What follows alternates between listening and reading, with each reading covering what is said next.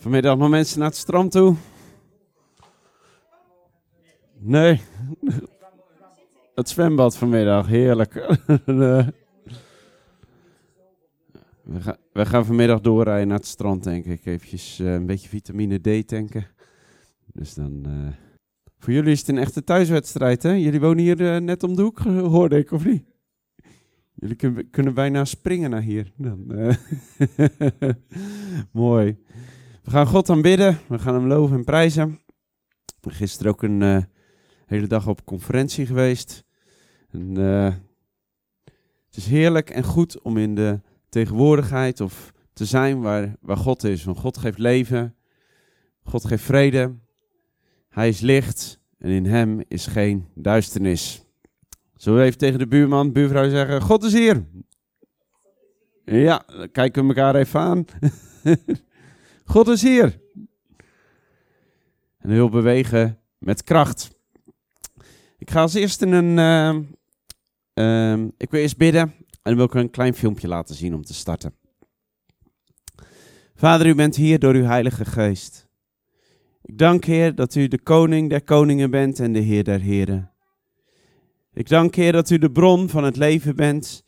Vader, dat er buiten u geen leven is. En ik dank, Heer, dat u hier vandaag bent door uw geest en dat u leven wil brengen in onze levens in de naam van Jezus.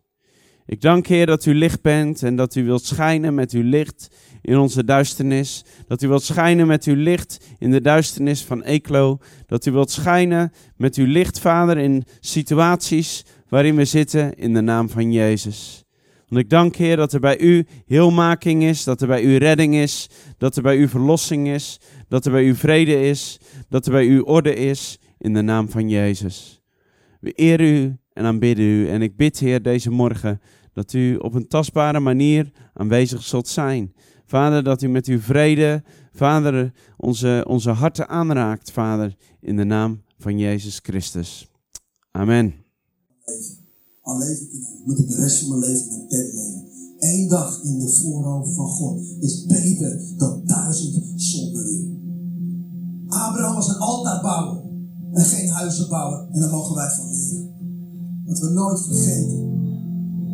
In onze hoogtepunten een altaar te bouwen. Om God te danken voor de zegeningen. Laten we nooit vergeten om in de dalen van ons leven een altaar te bouwen. Om te zeggen, Heer, ook al begrijp ik u, toch vertrouw ik u en geloof ik dat u goed bent. Het is zo makkelijk om in de hoogtepunten van je leven God te vergeten. Het is zo makkelijk om in de dalen van je leven God de rug toe te keren. Maar als je een altaar bouwer bent zoals Abraham, dan maakt het niet uit waar de achtbaan van het leven je brengt. Iedere keer bouw je een altaar, omdat je een relatie hebt met God. En daarom kun je in het onbekende met vertrouwen tegemoet gaan, omdat je een vertrouwensrelatie hebt met de God van hemel en aarde, zoals Abraham die had. God noemde Abraham zijn vriend en zo wil God ook onze vriend zijn. Hij wil jou zijn vriendin en vriend kunnen noemen. En het is zo belangrijk om dat altaar van gebed, om dat op te richten in ons leven.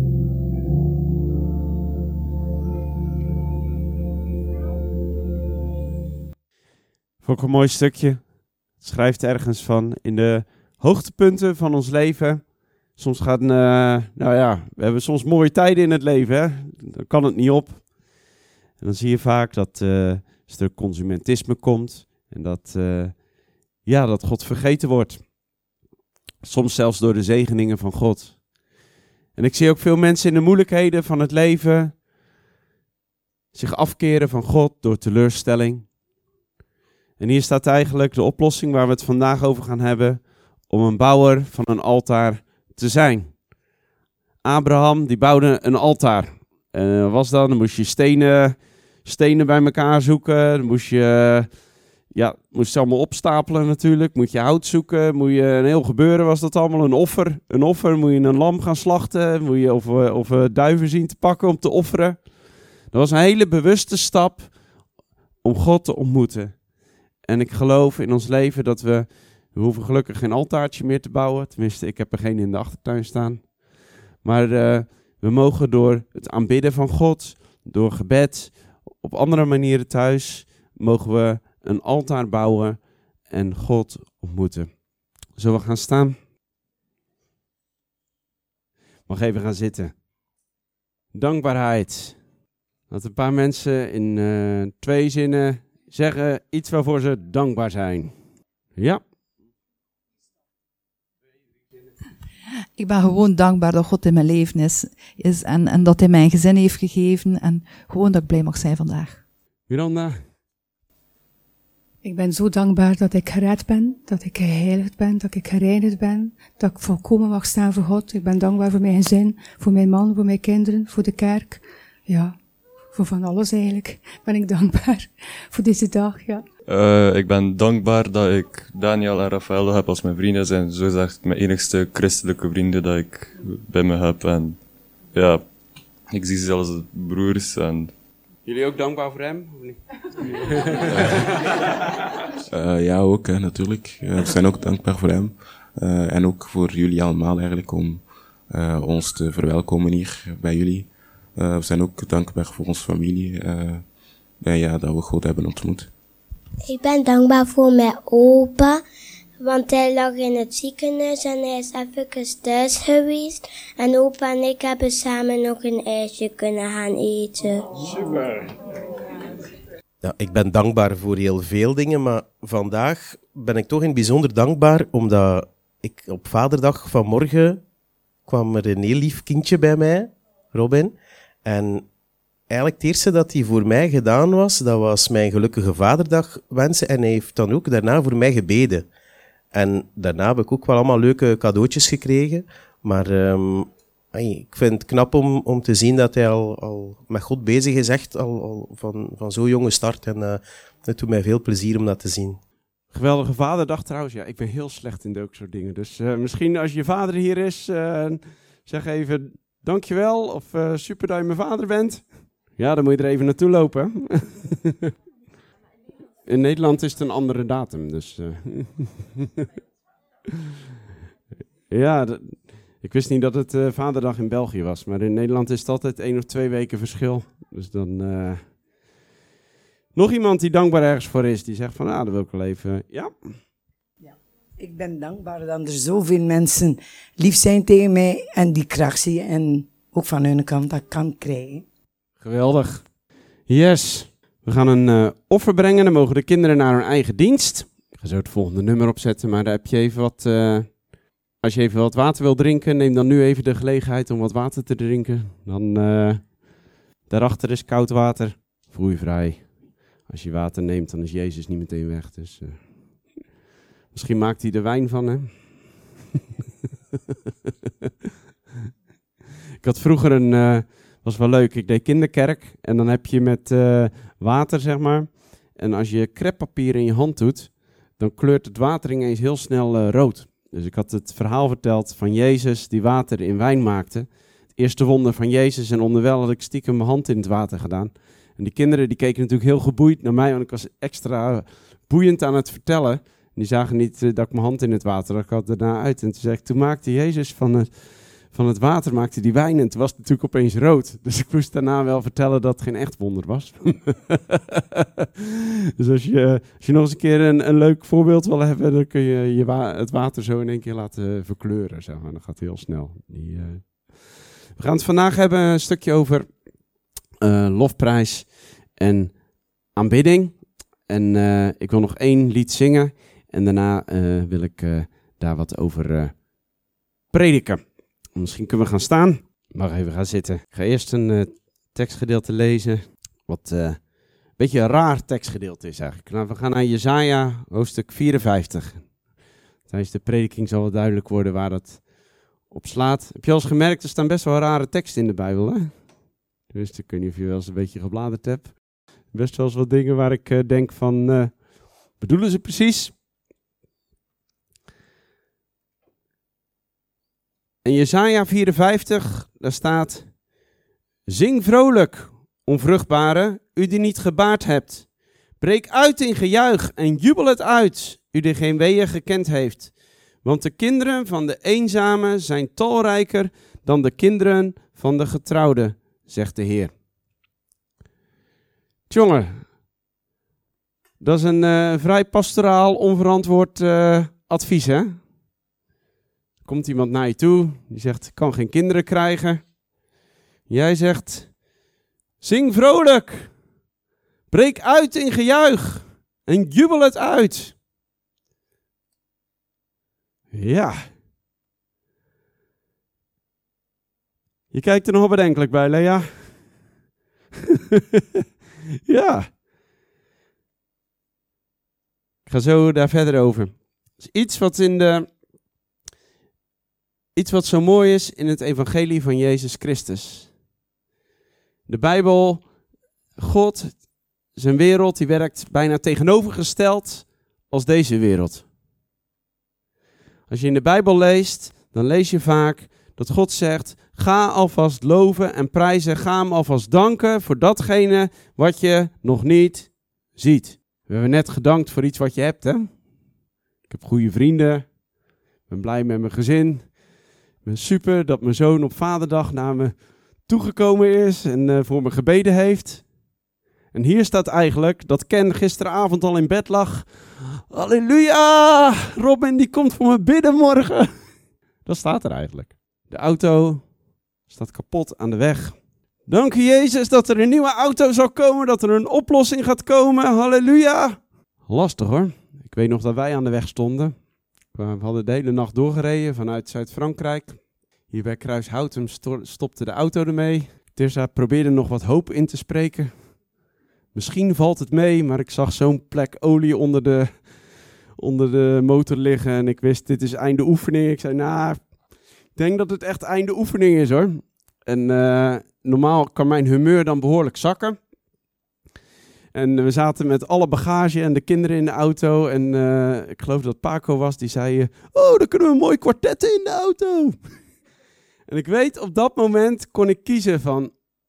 Of ik ga door de ogen van hoe Paco het ziet... Oh, er zijn kans om er iets leuks van te maken.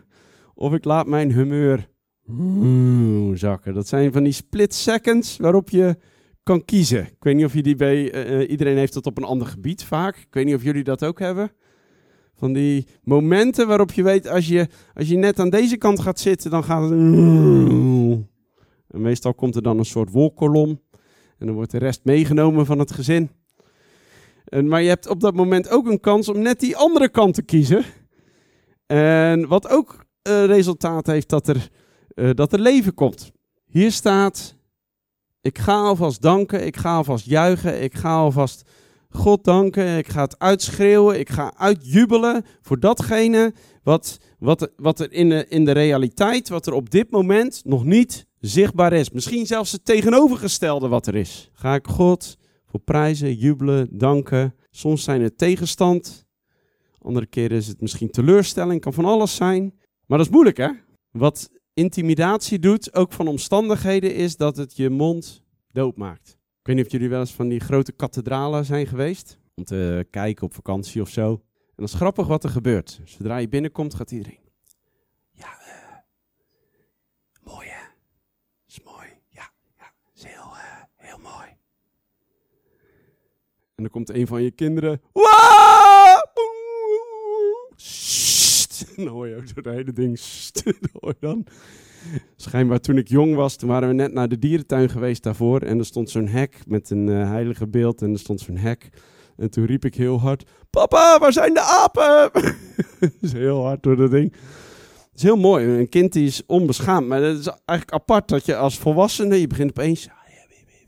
Nou, wat intimidatie doet eigenlijk, wat, wat, wat dingen doen die op je afkomen.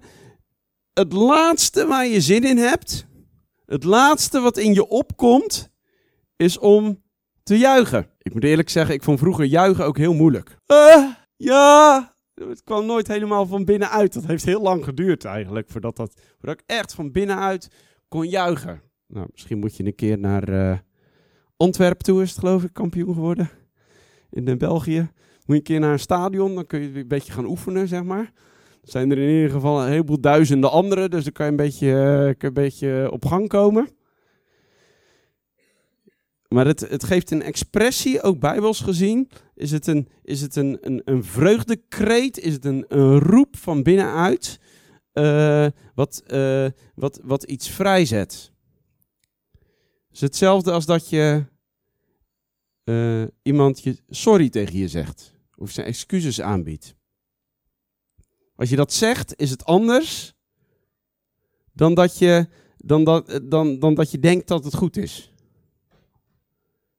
Als ik tegen Tessa naar de toe kom zeg, sorry, was niet goed van me, dan is het anders dan dat ik de omstandigheden zo laat blijken. Het is anders als dat ik een belofte maak en die uitspreek, dan weet je waar je op kan staan. In de moeilijkheden uitroepen, oh dat is moeilijk. In Jacobus staat, ben je blij te moede, oftewel ben je sikkeneurig, ben je zagrijn, ga zingen. Nou, wie heeft er zin om te zingen als die zagrijnig op de bank zit? Zo hè.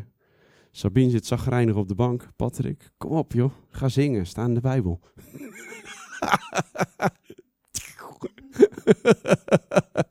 Wil je toch een klap verkopen? Ja, tenminste. Ik denk dat dat bij ons zo'n beetje zou zijn als ik sikkeneurig op de bank zit en het zou zo komen.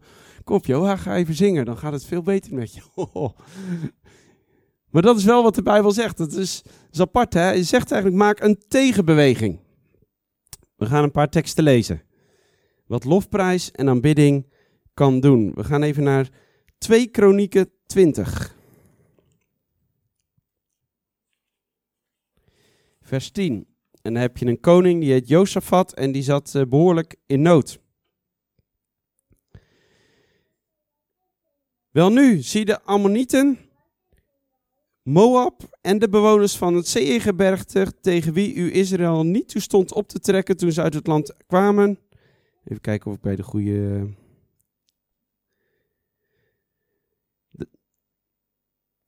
Even kijken. Nou, er waren drie, vier volken die tegen het volk Israël opstonden. Dat staat hier. En Israël die had hen niet mogen vernietigen toen ze in het land kwamen. De Moabieten, de Ammonieten en de bewoners van het Zeeëngebergte. En vers 11 staat, en zie, zij vergelden het ons door ons te komen verdrijven uit uw bezit dat u ons in bezit hebt gegeven. In ieder geval, dit is een gedeelte en dan komt Jozefat, ik zal het zo oppakken. Jozefat, die wordt aangevallen door drie, drie landen en hij ziet, ze zijn veel te groot. Zij kunnen dat nooit winnen. En het eerste wat hij dan gaat doen, hij gaat een vasten, zegt hij, we moeten naar God toe om te horen wat hij te zeggen heeft. Nou, dat is het eerste, wat we ook in het eerste stukje zagen. Als er problemen zijn in je leven, als er tegenstand op je afkomt, als er moeilijkheden zijn, kun je, één ding is, je kunt van God wegrennen, maar je kunt ook naar Hem toelopen. Ik zie veel mensen in problemen, zie ik van God wegrennen, terwijl uiteindelijk is de oplossing bij Hem moeten eigenlijk naar God toe rennen. En dat is wat Jozefat doet. Hij zegt, God, ik weet niet wat ik moet doen. Ik heb geen idee meer. Wat moet ik doen? En dan gaat hij naar, uh, naar God toe. En God zegt uiteindelijk, we gaan het toch even lezen, vers, nee, vers 10 vers 12. Onze God zult u geen gericht over hen oefenen. In ons is immers geen kracht tegen deze grote troepenmacht die op ons afkomt. En we weten niet wat we moeten doen, maar op u zijn onze ogen gericht. Eigenlijk het kortste gebed. Wie kent het kortste gebed nog? Help. Ja. Wie vindt het moeilijk om te bidden? Nou, misschien kunnen we allemaal even help zeggen. Help. Ja, nou, je hebt gebeden. ja, dat is het kortste gebed. Het kortste gebed is help. Jozefat zegt, help, we weten niet meer wat we moeten doen, maar onze ogen zijn op u gericht. Mijn ogen zijn op u gericht. En heel Juda, en Juda staat voor lofprijs, staat daar, stond ook voor het aangezicht van de Heer, ook hun kleine kinderen, hun vrouwen en hun zonen.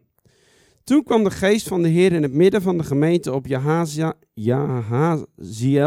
de zoon van Zecharia, de zoon van Benaja, de, zoon van Jeiel, de zoon van Matanja, de leviet uit de zonen van Asaf. En hij zei, Sla er acht op, heel Juda, inwoners van Jeruzalem en u, koning Jozefat. Zo zegt de Heer tegen u, wees niet bevreesd en wees niet ontsteld vanwege deze grote troepenmacht, want niet aan u is de strijd, maar aan God.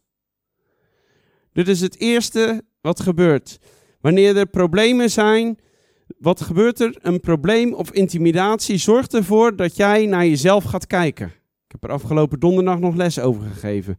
Je gaat kijken, gaat erop inzien van, wat kan ik nou? Wat heb ik in mijn mogelijkheden? Nou, ik heb een heleboel problemen waar ik geen mogelijkheden heb in mezelf. Het houdt eigenlijk wat intimidatie doet. Het houdt de ogen, brengt het af van God naar wie jij bent. En daar moet je het nou net niet van verwachten. Het houdt de ogen weg van God en je gaat kijken van, oh, wij zijn klein. Oh, ik ben minder groot. Oh, ik kan dit niet. Oh, ik heb dat niet. Hij kan het veel beter. Dat gebeurt. En je wordt eigenlijk stil, teruggetrokken. Je stem verstomt. Wat kunnen wij nou? En God zegt als eerste, laten we dat tegen elkaar zeggen, wees niet bevreesd, wees niet bang. Nou, tegen elkaar zeggen, wees niet bang joh. Wees niet bang. Want er is niks om bang voor te zijn. Daarnet lazen we al van, ik weet wie voor mij uitgaat en stand houdt achter mij. God van de hemellegers, u voert de strijd voor mij. Dat is dit stukje. God van de hemellegers, u gaat voor mij uit en u bent achter mij. En u voert de strijd voor mij.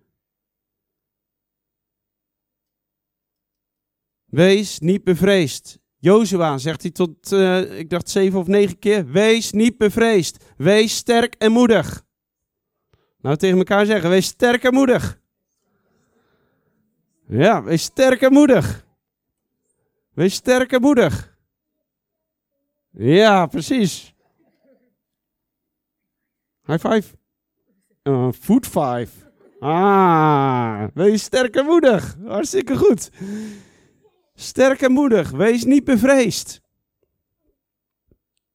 Want er is niks om te vrezen. Niets kan mij scheiden van de liefde van Christus, nog hoogte, nog diepte. Nog een vriend, nog een vriendin. Niets kan mij scheiden van de liefde van Christus, nog engelen, nog machten, nog krachten. Niets kan mij scheiden van de liefde van Christus. Het is Hij die voor mij uitgaat. Wees niet bevreesd en wees niet ontsteld vanwege de grote troepenmacht. Want niet aan u is de strijd, maar aan God. Is het dan niet reëel? Jawel. De auto staat nog steeds met pech aan de zijkant. Het, de hemels, er staan nog steeds drie legers tegenover mij. Er is nog steeds een mega probleem, dat is niet opgelost wat er is. Dat is de realiteit. Het is niet net doen alsof de realiteit er niet is, want het is er nog steeds. Maar het is je focussen op degene waarvan de oplossing zal komen. Het is je focussen op degene waarvan de antwoorden gaan komen. Het is je focus op degene waarvan de kracht gaat komen. Het is je focus op degene waarvan de overwinning gaat komen. En dat is moeilijk. Zoals er net stond, je gaat soms nog goede tijden. En dan is dat makkelijk. Oh, prijs de Heer, halleluja. Ja, soms heb je moeilijkheden. En dan gaan we... In België kunnen ze mond en mondhoeken zo mooi naar beneden doen. Dat kan ik niet nadoen. Dat is echt iets moois van België. Dan kunnen een soort, soort pruillip of zo, zo. Ja? Prachtig. Die mooie koppen. En weet je, het is het tegenovergestelde van klaagliederen. Ik zei wel eens, klaagliederen staat ook in de Bijbel. Iemand zei, ja, maar klaagliederen staat ook in de Bijbel. Ja, ik zei, dat klopt. Maar het is wel een van de 66. Als we nou 65 keer God met gejuich en dankbaarheid gaan benaderen. Dan kunnen we die 66ste keer kunnen we even lekker klagen bij de klaagmuur. Daar is plaats voor. Maar de hele tijd klagen zorgt ervoor dat we wegraken. Dat ons oog niet meer gericht is op degene waarvan de antwoorden moeten komen, maar de ogen gericht is op de problemen, op de legermacht, op de, op de dingen die ons overmannen. Op de dingen waar we de oplossing niet voor hebben. En God zegt: Ga morgen op en af. Zie, zij trekken nu over de pas van Zis. U zult hen aantreffen aan het einde van het dal, voor de woestijn van Jeruel. Het is niet aan u in deze oorlog te strijden. Stel uzelf op, blijf staan en zie het heil van de Heer dat met u is, Juda en Jeruzalem. Wees niet bevreesd en wees niet ontsteld. Opnieuw, wees niet bevreesd, wees niet ontsteld. Tegen elkaar zeggen, wees niet bevreesd en wees niet ontsteld. Oftewel, zagrijnig. Trek morgen tegen hen op, want de Heer zal met u zijn. Toen boog Jozefat zich met het gezicht ter aarde en heel Juda en de inwoners van Jeruzalem vielen voor het aangezicht van de Heer neer en bogen zich neer. En de levieten van de nakomelingen van de Kahatieten en van de nakomelingen van de Korachieten stonden op om de Heere, de God van Israël, met luide stem ten hoogste te prijzen. Hier staat het weer. Doe je dat wel eens thuis? Met luide stem ten hoogste op je maximale, niet alleen qua stemgeluid, maar met alles wat in je is, om Hem te prijzen. Te midden van alle onzin. Te midden van al het zagrijn. Te midden van de auto die kapot is. Te midden van je baan die je verliest. Te midden van dingen die helemaal niet zo mooi zijn. En dan Hem prijzen. En lof zingen. Met luid volume. Mijn moeder hield daar nooit van. We hebben dertien treden hadden wij thuis. En uh, toen ik in uh, tongen sprak, deed ik altijd... Soriandalabariando tunda! Zo, en dan kwam ik beneden op de grond.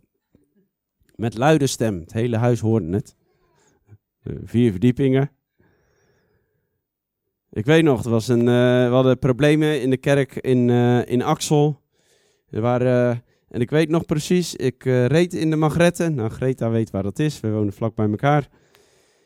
En, en, en er was iets waar, waar ik wist, er is, iets, er is iets demonisch. En ik kan dat niet met een gesprek oplossen. Er moet iets, moet iets van God zijn. En ik weet, en ik was al aan het bidden. En ik weet, ik was heel hard aan het roepen in die auto. Voor de overwinning van God. En opeens, echt op, op mijn hart, als een klein gehucht. En, ik, op, en toen ervoer ik ook ineens van, hey, dit, het, het is overwonnen. Het is overwonnen. En de dag daarna belden die mensen ook op. toen zei ik, wil je nog in Axel wonen? Want ze konden geen huis krijgen in Axel. Ze zeiden, ja, dat, ja heel graag. En, uh, we hebben nooit wat uitgepraat, maar het was opgelost. En ik zei, nou dan ga ik bidden dat je een huis krijgt. En ze waren al anderhalf jaar bezig en het zat allemaal vast. En, het was één simpel gebedje. En hebben ze binnen twee weken hebben ze dat huis kunnen kopen. Weet je, dat is wat lofprijs, dat is wat een luide roep kan doen. Dat is, dat is, eh, dat is, dat is doorbreken in die hemelse gewesten.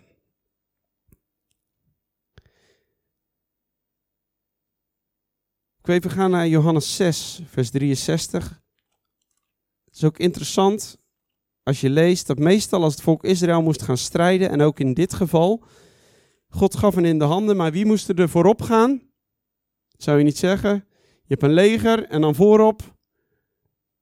Er waren de muzikanten die voorop waren. Moet je nagaan, hè? Gaan we in de Oekraïne. Zo, we gaan uh, aanvallen. Dan doen we voor de Leopard 2. Voor de Leopard 2 zetten we wat vioolspelers. En wat trompetten. En uh, die lopen voor de Leopard 2 uit. Dat klinkt niet echt logisch, hè? Lofprijs en aanbidding was hier ook. De muzikanten, de lofprijzen moesten als eerste. Ik geloof dat door lofprijs en aanbidding wordt het koninkrijk van God wordt manifest. Het breekt door. De Bijbel zegt in Romeinen, zegt, dat, ehm, dat door lofprijs en aanbidding de sluier wordt weggenomen, zodat het overige deel van de heidenen God zal zoeken. Oftewel, Hélène staat in haar huis, misschien met een vlag op de bed. Pas op voor de lampen. En die staat te zwaaien. En dat zorgt ervoor dat anderen in de straat of in Eeklo God gaan zoeken. Snap jij het? Nee, ik ook niet. Maar dat is wat het woord van God zegt. De sluier wordt weggenomen. De sluier wordt weggenomen. Merk ik, als ik ga lofprijs aanbidden, ook bij mezelf wordt er af en toe een sluier weggenomen door, door gewoon te lofprijzen en te aanbidden. Soms met luide stem. Dat kost moeite, want het, het liefst doen we het stilletjes. Met luide stem hem aanbidden. En ik merk dat de sluier weggetrokken wordt, soms ook van mezelf. In Johannes 6, vers 63.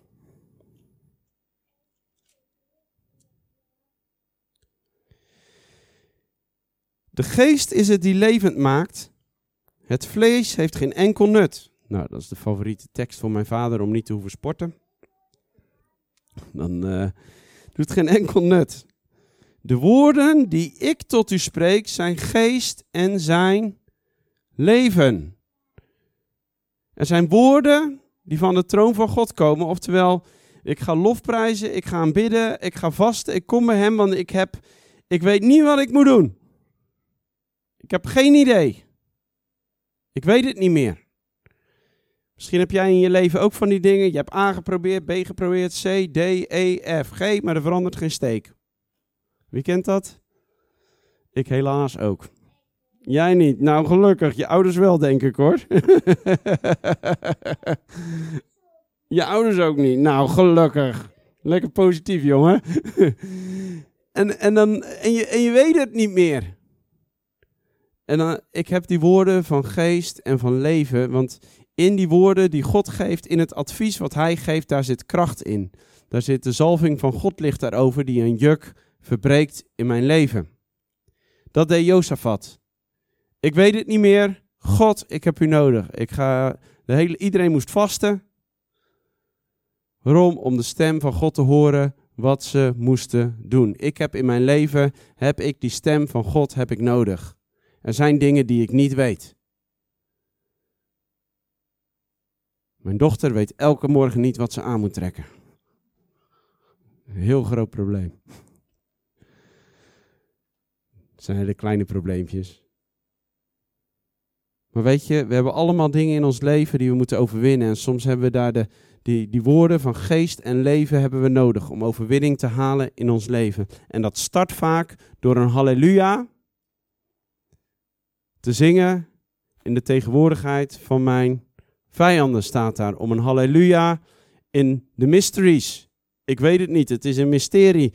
En ik zing een halleluja. Ik, ik roep een halleluja. Ik juich een halleluja. Weet je wat halleluja betekent? Wat zeg je? Ja, zeg maar wat. Loof de Heer. Ja, het is, het is het loven van de Heer. Als je in de grondtekst kijkt, dan staat er eigenlijk, wat breng halal aan de Heer, staat er eigenlijk. En dat betekent dat je een lofprijs brengt, waarin je zo, zo buiten jezelf gaat, dat je aan jezelf begint te twijfelen.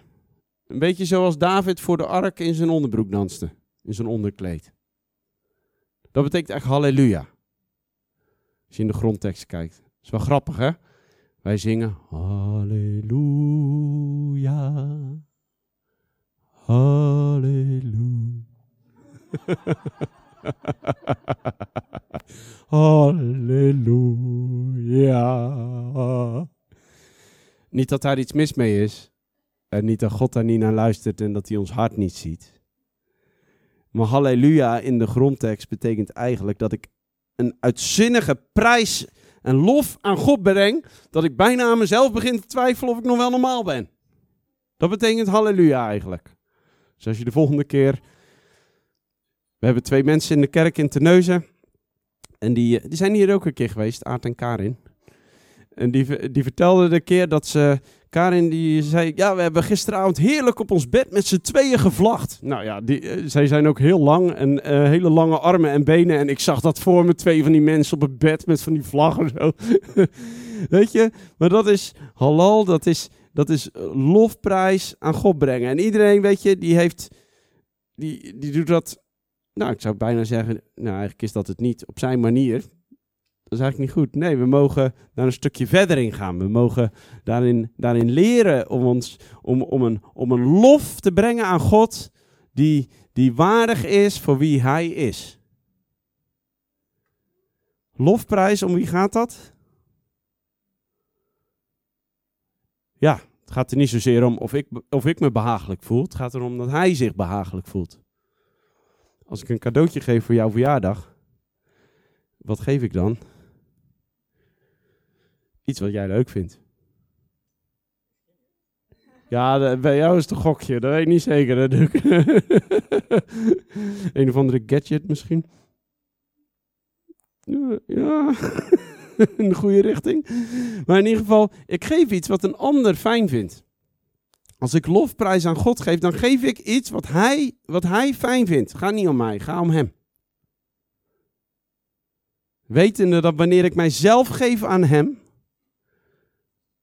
dat hij komt naar mij toe en hij mij kent. Dat is de interactie. Een prijs brengen aan God. Als laatste tekst wil ik naar 1 Corinthiërs 2.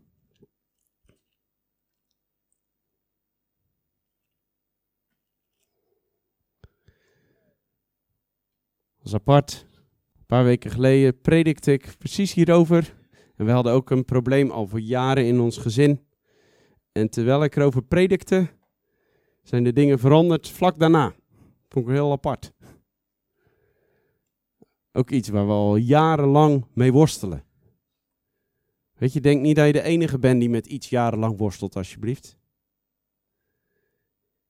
Kijk, God werkt door me als ik hier sta, maar ik bedoel, thuis is bij ons net zo'n zaggerijnige rotzooi als bij jullie hoor.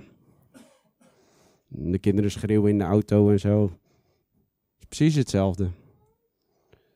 Weet je, we hebben allemaal dingen in ons leven en we hebben dingen waar we worstelen en er lijkt soms geen eind aan te komen.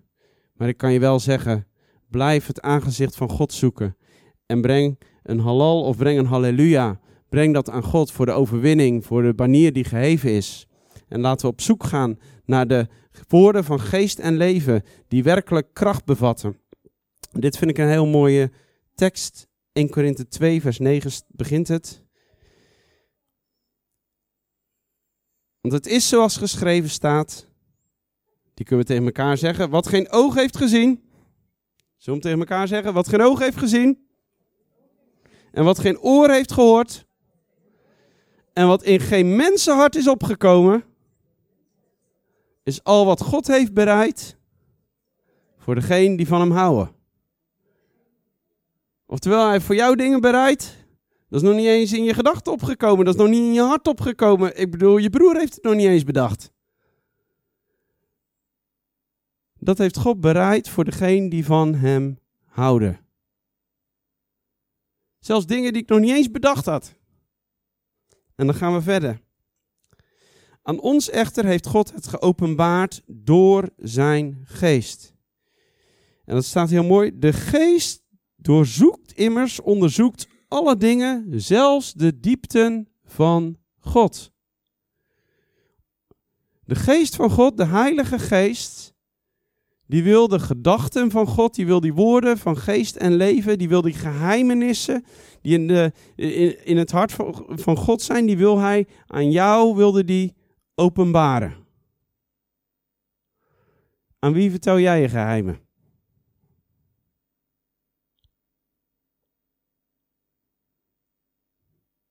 Aan iemand waarmee je vertrouwd bent? Ja. Aan wie open jij je hart?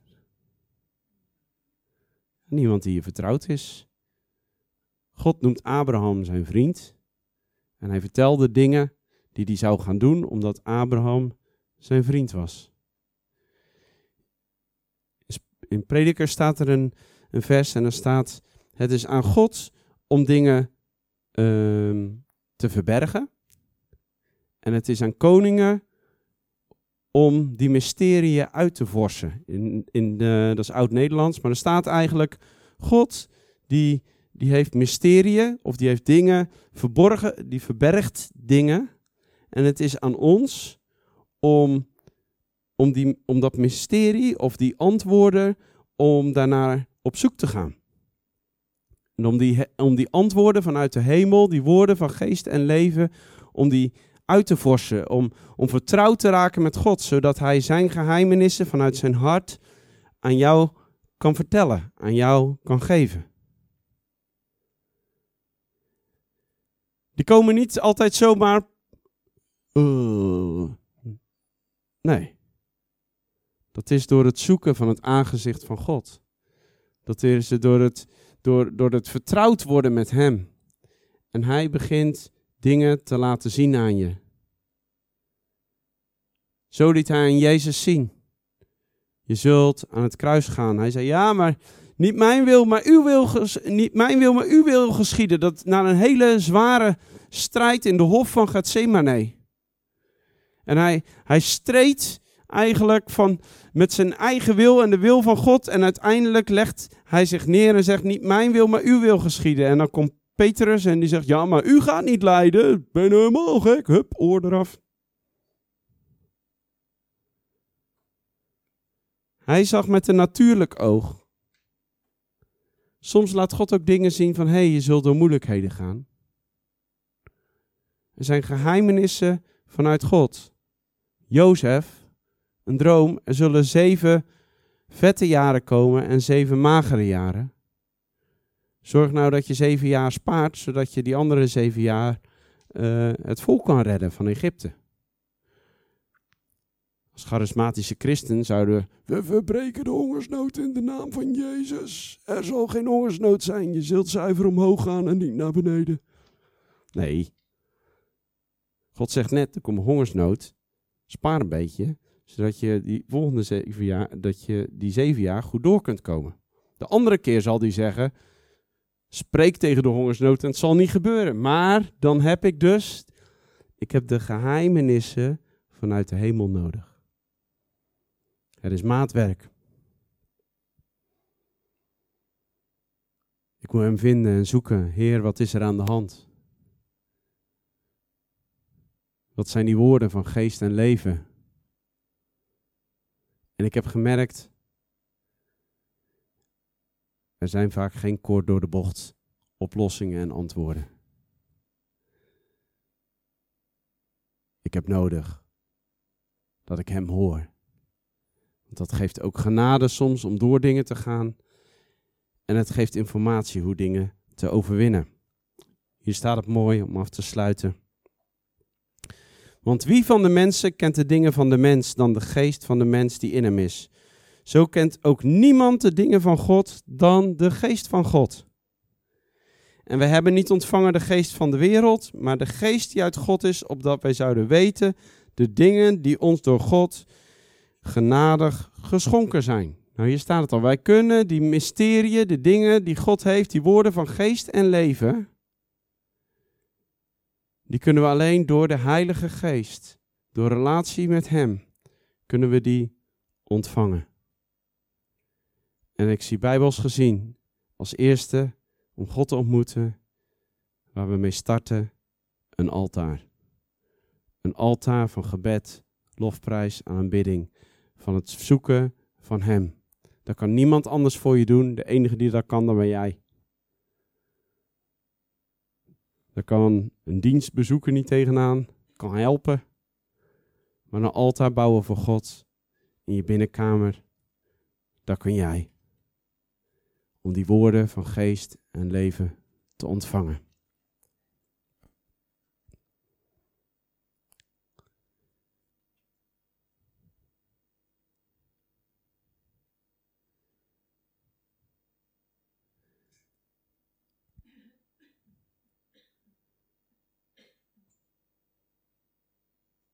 Amen.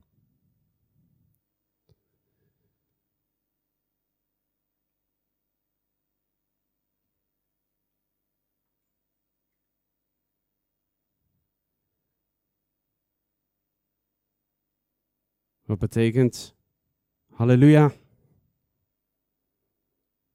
Weet je het nog, Greta?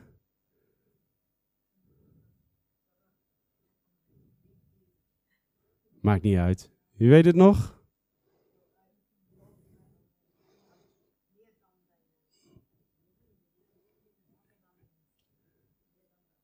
Ja. Ja, precies. ja. Ja, precies. Je kan hem naluisteren, geloof ik, over een tijdje. Dat, dat, is, dat is lofprijs. Wie, wie heeft dat thuis nodig, denkt hij? Van, hé, hey, ik, ik moet ergens doorheen breken, maar... Uh, ja. En uh, wanneer gaan we beginnen? Nu? Ja, enthousiasteling. Halleluja. Ja. Nog iemand? Ja? Ja? ja? Vanavond thuis. In de douche. In het leen. Wat zeg je? In de kathedraal, kan ook. was wel leuk. Eén keer was ik in Münster. Dat is een enorme kathedraal in Münster. Dat was ergens in een bankje gaan zitten. En dan kon niemand me zien. Samen met een vriend van me. En dan waren we in tongen gaan zingen. Dus, dan hoor je door die hele, die hele basiliek. Shurabai. Zo alsof uh, God naar beneden komt, zeg maar. wel leuk. Nee, maar neem het serieus. En als je problemen hebt in je leven, ga dat aangezicht van God. Ga dat zoeken, want daar zijn de geheimenissen. Ik heb die niet. Ik, ik heb al werk genoeg om die voor mijn eigen leven op te zoeken en de dingen waarvan ik verantwoordelijk ben. Dat, dat is aan jou om die geheimenissen bij God om die te vinden. Soms komen ze ook door een gesprek met de ander, maar begin met lofprijs en aanbidding. Met het zoeken van het aangezicht van God. En een luide prees en, en breek door die intimidatie heen. Ik zou je zeggen, voor de, de eerste keer dat ik luid op. Wie vindt het moeilijk om hardop te bidden? Ja, dat is eigenlijk een beetje hetzelfde. Je, je, er is een soort intimidatie die, die, er niet, die, die in jezelf zit bijna. God die wil graag dat we dingen uitspreken, uitroepen. Hij zei, hij sprak, er zij licht en er was licht. Het was niet, hij dacht, er is licht en er was licht. Hij sprak het. Het is goed om dingen uit te spreken, om uit te roepen. Je dank en lofprijs naar God. En 1 op de 66 keer mag ik even klagen. Dat afspreken? Maar laten we doorbreken. Ja, tuurlijk. Er is een heel mooi lied, uh, I You in the Storm. Ik weet niet of je het kent, van Natalie Grant. Ligt dat aan? Allee, het is een lied wat ik vorig jaar allee, heel veel aan gehad heb toen ik het geen moeilijk had. En daar gaat er ook over van, I praise you in the storm, I will lift my hands. Allee, allee, soms kan het echt geen moeilijk zijn, maar dan is het zoals gezegd, echt kiezen voor Heer. Ik wil u aanbidden en niet op de omstandigheden. En, en allee, dat heeft mij enorm geholpen ook voor, ja, voor mijn verdriet ook kwijt te geraken en al bij de Heer. En toen kon ik weer verder ook. Dus ja, als je dat lied is wil horen, I praise you in the storm is het, ja. Yes. Waren een paar mensen die zeiden, ik heb dat nodig, kom, kom even hier staan. Dan gaan we een halleluja uitroepen en een doorbraak uitroepen. Betty, ik had je hand gezien. Oh! Vader, zoals we hier staan. Vader, ik bid voor de mensen die in een storm zitten. Vader, in de naam van Jezus bid ik, Heer, dat er een, een uitroep, Vader, een gejuich zal zijn in de storm in de naam van Jezus. Een uitbreken in gejuich, een uitbreken, een jubel, een jubelroep, een jubel, een jubelroep, Vader. Vader, voor datgene wat er nog niet is, Vader, Vader, maar wat U wilt geven in de naam van Jezus Christus. En vader, ik bid, Heer, Heer, dat er een uitbreken zal zijn in gejuich, Vader. Vader, boven onszelf uit, boven de limitaties heen. Vader, die doorbreken door elke intimiderende atmosfeer, die doorbreken, Vader, elke limitatie in onszelf in de naam van Jezus. Vader, om de wonderen en tekenen te zien. Vader, om de, om de woorden van geest en leven te kunnen ontvangen, Vader, die alleen maar kunnen komen door de Heilige Geest van God. Vader, de dingen die diep uit uw hart komen, de mysterieën, Vader. Vader, die alleen opgelost kunnen worden, Vader. Vader, vanuit de diepe dingen. Vader, vanuit het hart van God. Vader, door de Heilige Geest die dat aan ons wil communiceren in de naam van Jezus. En Vader, ik bid, Heer Heer, voor die, voor die roep, Vader. Vader, voor de jubel, Vader. Vader, voor gedans, voor gejuich, Vader. Vader, voor roepen van dankbaarheid, Vader. Vader, te midden van alle stormen in de naam van Jezus Christus. Dat we ons oog gericht zullen houden naar de voleinder van ons geloof. Dank u, Jezus. Dat we onze rug niet zullen draaien, Vader, naar u maar ons hoofd, Vader, zullen keren naar degene waarvan de doorbraak moet komen. Vader, degene die voor ons uitgaat, degene die achter ons is, Vader. God van de hemellegers, u voert de strijd voor mij. Gejubel en gejuich in het huis van God. Gejubel en gejuich in de douche. Gejubel en gejuich in het leen. Gejubel en gejuich in het park. Gejubel en gejuich als je alleen thuis bent, gejubel en gejuich in je tuin. Gejubel en gejuich als je je hond uitlaat. Gejubel en gejuich als je in het zwembad bent. Vader, ik bid dat in de naam van Jezus. Halleluja. Amen.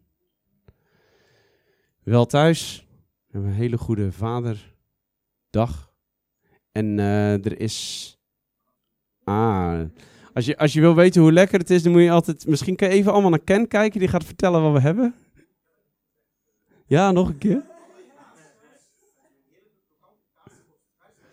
Ah, dat vind ik altijd zo mooi. Als, als Ken uitlegt wat er aan eten is, dan begint er uh, iets te stralen of zo. Dan kom je iets van de uh, Mozes, die konden ze niet meer naar kijken vanwege de heerlijkheid over zijn gezicht. Dus op een duur denk ik dat er een doekje over zijn hoofd moet, zoals die uh, uitlegt hoe het eten eruit ziet. Eet smakelijk, drink lekker wat en we, zien, we zien elkaar.